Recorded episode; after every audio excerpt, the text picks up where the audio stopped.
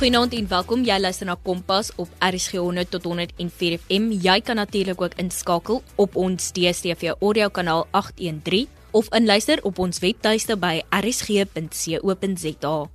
In vanaand se Kompas gesels ons oor kanker onder tieners. Op die lyn het ek vir Antie Louis van die Cancer Organisasie en ons gaan bietjie kyk na wat die algemeenste tipe kankers onder tieners is en dan ook hoe kanker jong mense affekteer. Antie, ons weet dat kanker nie 'n ouderdomsgroep het nie en 'n spesifieke ouderdom teiken nie, maar dat dit ook meer gewild is onder jong mense nou.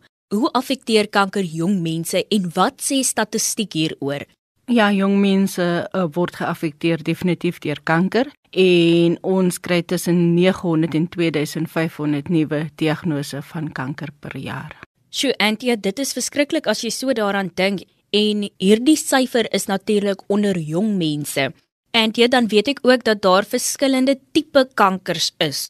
Wat is van die algemene soorte onder jong mense en wat is die risiko dat jong mense dit kan kry?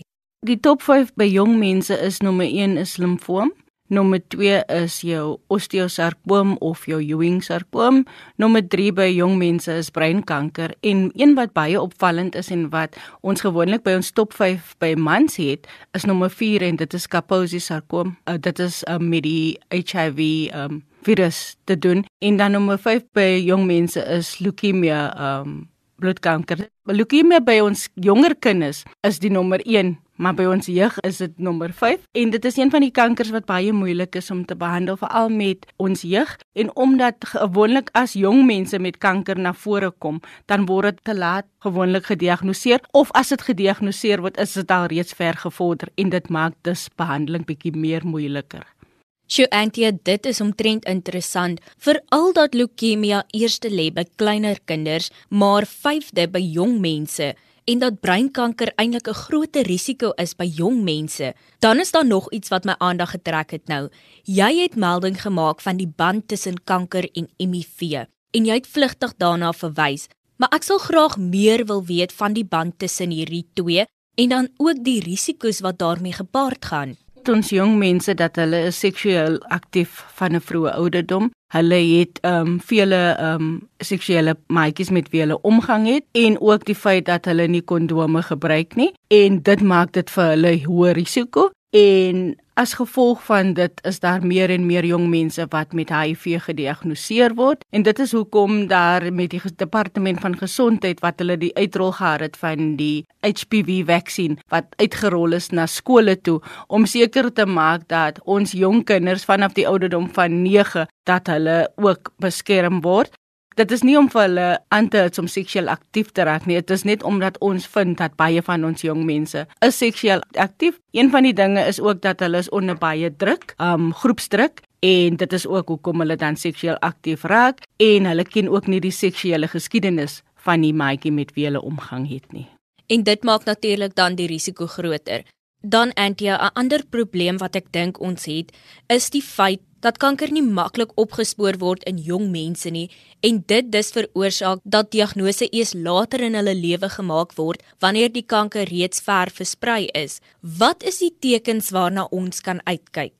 In jong mense word dit gewoonlik laat gediagnoseer want gewoonlik word dit neergeskryf aan groeipyne en gewoonlik wanneer kanker gediagnoseer het is, is of as hulle 'n sportbesering opgedoen het en dan word daar meer toetse gedoen. So vir my die waarskuwingstekens is verskillend vir vir al die tipe kankers, maar meer van die algemeenste tekens is um, veral met breinkanker as die persoon ewe skielik van balans af is of as die persoon nie goed meer kan sien nie of daar's 'n skielike blur of as die persoon opstaan met narheid in die oggend wat geassosieer is met kopseere dan kyk ons ook na kanker van die oog as uh, gewoonlik as jy 'n foto vat en jou flashes aan en dan gewoonlik is die is die kolletjie rooi. Maar as die kolletjie wit is is daar indikasie dat hy ook iets kan verkeerd wees met die oog dan praat ons van skielike pyne, ons praat ook van die feit dat as ewe skielik verloor jy gewig, um lusteloosheid en ons praat van koors en so dit is maar net 'n paar van die waarskuwingstekens. En en ons beleid is dat ons gaan uit en ons um wil mense bewus maak van wat is die waarskuwingstekens want ek glo stellig as mense weet waarvoor om uit te kyk en as kanker vroeg opgetel word met behandeling dan kan kanker genees word. Definitief Antia, ek stem 100% saam met jou. Ek meen 'n mens lees elke dag nog hierdie hoopvolle stories van mense wat genees is van kanker. So die enigste ding wat regtig moet gebeur is, dit moet vroeg gediagnoseer word sodat jy weet teen wat jy beklei, sodat jy op die einde van die dag hierdie ding kan oorkom. Want soos jy sê, kanker kan genees word en ek dink dis belangrik dat ons dit onthou. Antia met dit gesê, wil ek graag weet, wat is van die oorsake dat jong mense kanker kry? Ek weet dit kan geneties oorgedra word, maar wat is nog van die oorsake? As ons kyk by volwassenes dan sê ons gewoonlik dat dit is stres en dat dit is lewenstylsfaktore. Nou as ons by jong mense praat, dan kan ons ook sê dit is stres van ons jong mense gaan ook die stres en dan praat ons ook uh, as ons lewenstyl dan praat ons van um, die die kosse wat ons eet. Ons praat van omgewingsfaktore. So daar's baie faktore. Uh, net om 'n voorbeeld te maak, 'n kind word op 1 maand word gediagnoseer met met stadium 4 longkanker en dan moet ons kyk dat sy kom van 'n plasgemeenskap af, Hamas se plas werker.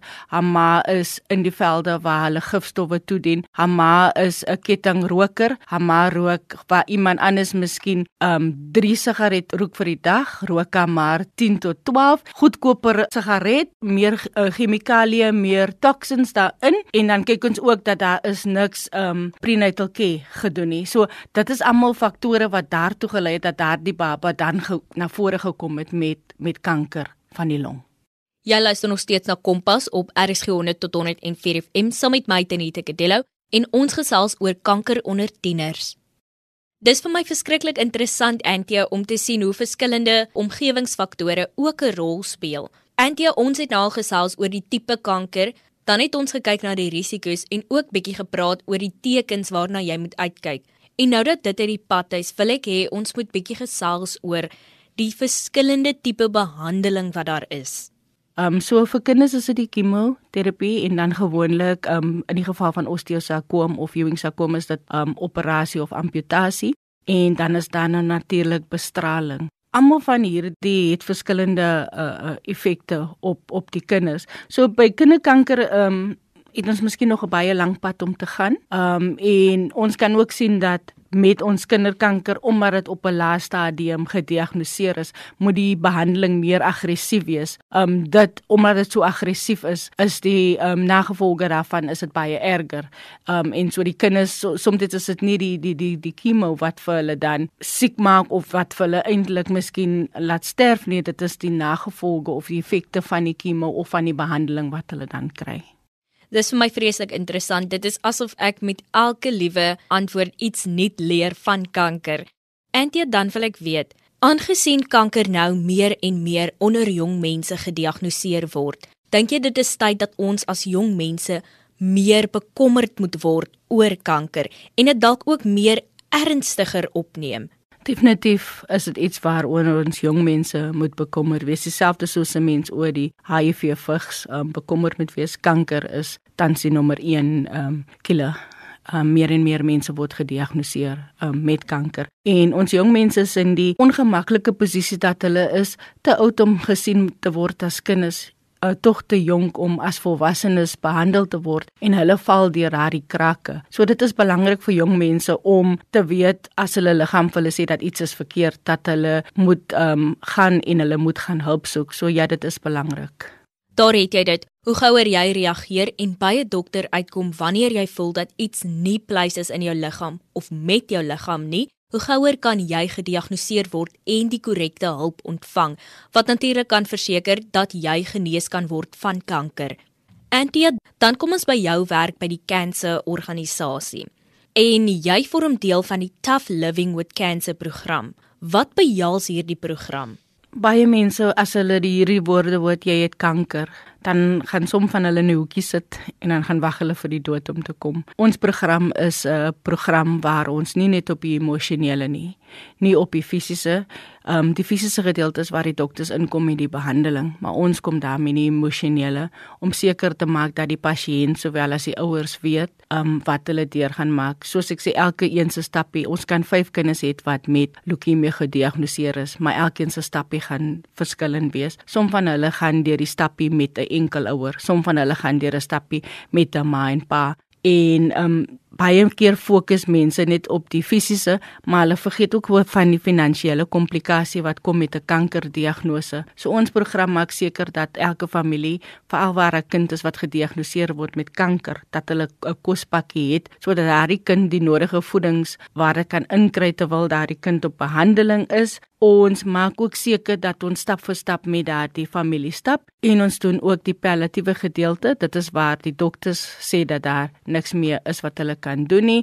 en dan tree ons in en dan help ons die familie daarmee en ons stap is van begin van diagnose tot en met die einde of die kind nou in remissie ingaan of die kind um, gesond is en kankervry is en of die kind sterf.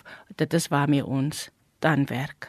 Antjie, dit is ongelooflik dat jy so 'n mooi pad met die mense stap en hulle so bemoedig en daar is vir hulle in hierdie stryd. En dit is soos jy sê, die stryd is vir elkeen verskillend, maar dit is tog die naam of die siekte wat hulle bind. En ek sal nog graag bietjie meer wil gesels oor die toetsing vir kanker. Is daar 'n spesifieke toets vir kanker? Hoe gereeld moet jy laat toets? En wat is die hele prosedure rondom dit voordat jy nou gediagnoseer word met kanker?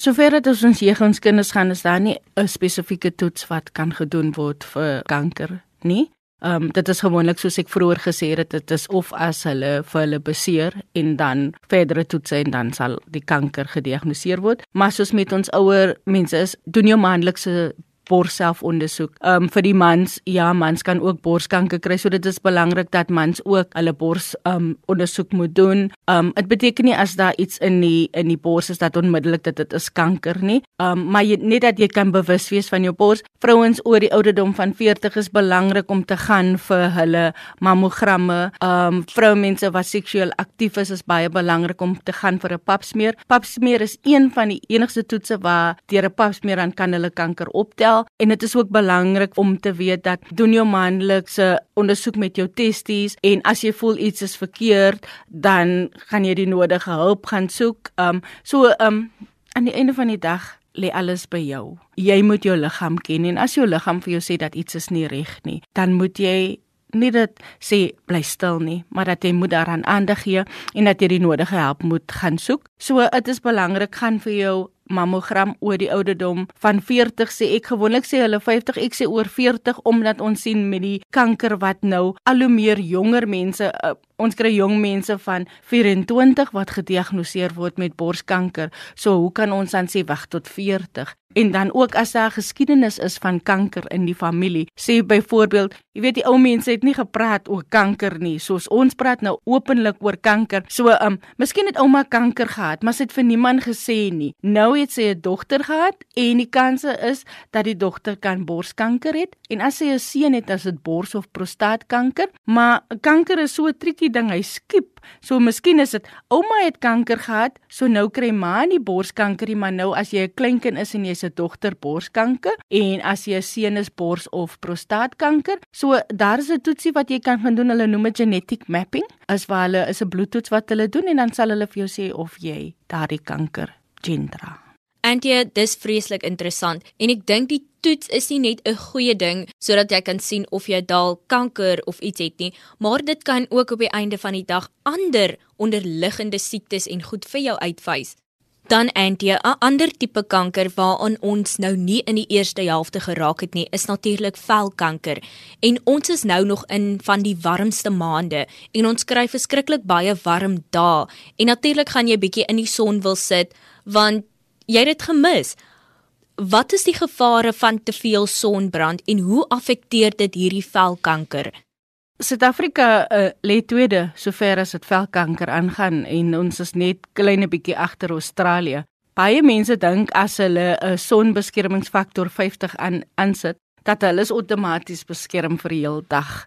En net a, net a, net 'n 'n wenk gou is dat jy vat 50 en jy maal hom met 5, dan kry jy 250 en daar 60 minute in 'n uur. So jy vat hy 60 dan deel jy dit in die 250, so dan kry ek 4.10. So as jy 'n sonbeskermingsfaktor 50 aan het, dan beskerm dit net vir u vir 4 ure en 10 minute. So as u 8 ure in die son gaan, dan is dit belangrik om by 10 oor 12 dan moet jy weer sonskerm aansit. Ook die belangrike as jy uit buite in die son is, is om belangrik om 'n sonhoed te dra. 'n Sonhoed wat jou ore en jou nek ook beskerm want dit is die areas wat heel eers te brand. Dit is ook belangrik as jy in die son is om vir jou te um hydrate, drink genoegsame water en dit is goed om 'n sonbril aan te hê en dan tussen 10 en 12 dit is die tyd wat jy uit die son uit moet bly want dit is wanneer die UV op sy hoogste is. Um en dieselfde met met sonslim, dit is ook dit is vir jou eie beswil want as jy in die son ingaan baie mense dink dat die son is eintlik so warm nie en dan sit hulle in die son heeldag en dan besef hulle nie totdat hulle by die huis kom en hulle onder daardie stort staan en hulle begin te en hulle begin te voel hoe hulle gebrand. So vir my is dit altyd dat is beter om iets te voorkom in plaas daarvan om te sit met 'n probleem waar jy dan vir die res van die somer nie kan uitgaan nie omdat jy so gebrand is en omdat jou lyf so seer is. O ja, Antia, ek kan hiervan getuig. Jy weet daai dae wanneer dit so warm is, maar daar's nie eintlik son in die lug nie. Dis bietjie bewolk, maar dis net bedompig. So dan sit jy nou nie sonskerm aan nie en dan gaan swem jy. En wanneer jy nou eintlik uit die swembad klim en jy in die stort ingaan, dan besef jy eintlik Sjoe, maar my liggaam is eintlik twee kleure nou en ek het eintlik nou sonbrand opgedoen, maar ek dink ons almal het maar op die harde manier geleer dat jy sonskerm moet aansit ongeag die weer. Antie dan net ten slotte, het jy enige laaste woorde? Ehm um, kanker is nie 'n doodsvonnis nie.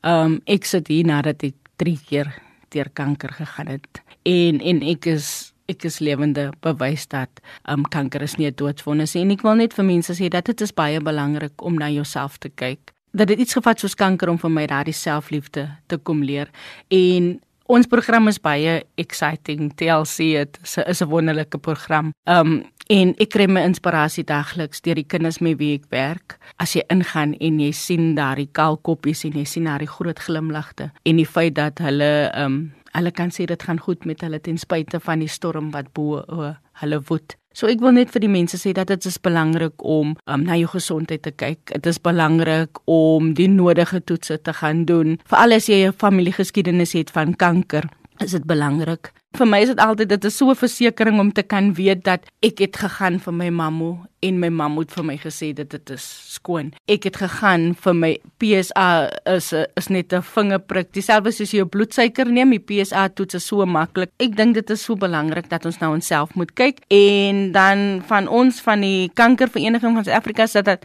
dat die mense die meeste moet maak van die hier en die nou en ons boodskap is en dit sal altyd wees dat ons is daarop uit om vir mense te te leer wat die waarskuwingstekens is want ons glo dat voorkoming is beter as om deur die hele behandeling te gaan. En so ons um is all about education and raising awareness. En ja ons staan vir amper 88 jaar en ja, ons gaan van krag tot krag. Op hartseep en ja, baie meer mense word gediagnoseer en ons glo dat met tyd dat dan meer aandag geskenk gaan word aan kanker en dat ons gaan vind dat daar meer mense nie hoef te sterf terwyl hulle moet wag vir um, behandeling nie. Ja, maar ons werk daaraan. So vir nou is dit is dit baie belangrik die opvoeding en, en net om daardie awareness te raise. Baie dankie Antie dat jy saamgekyer het en hierdie waardevolle inligting saam met ons gedeel het.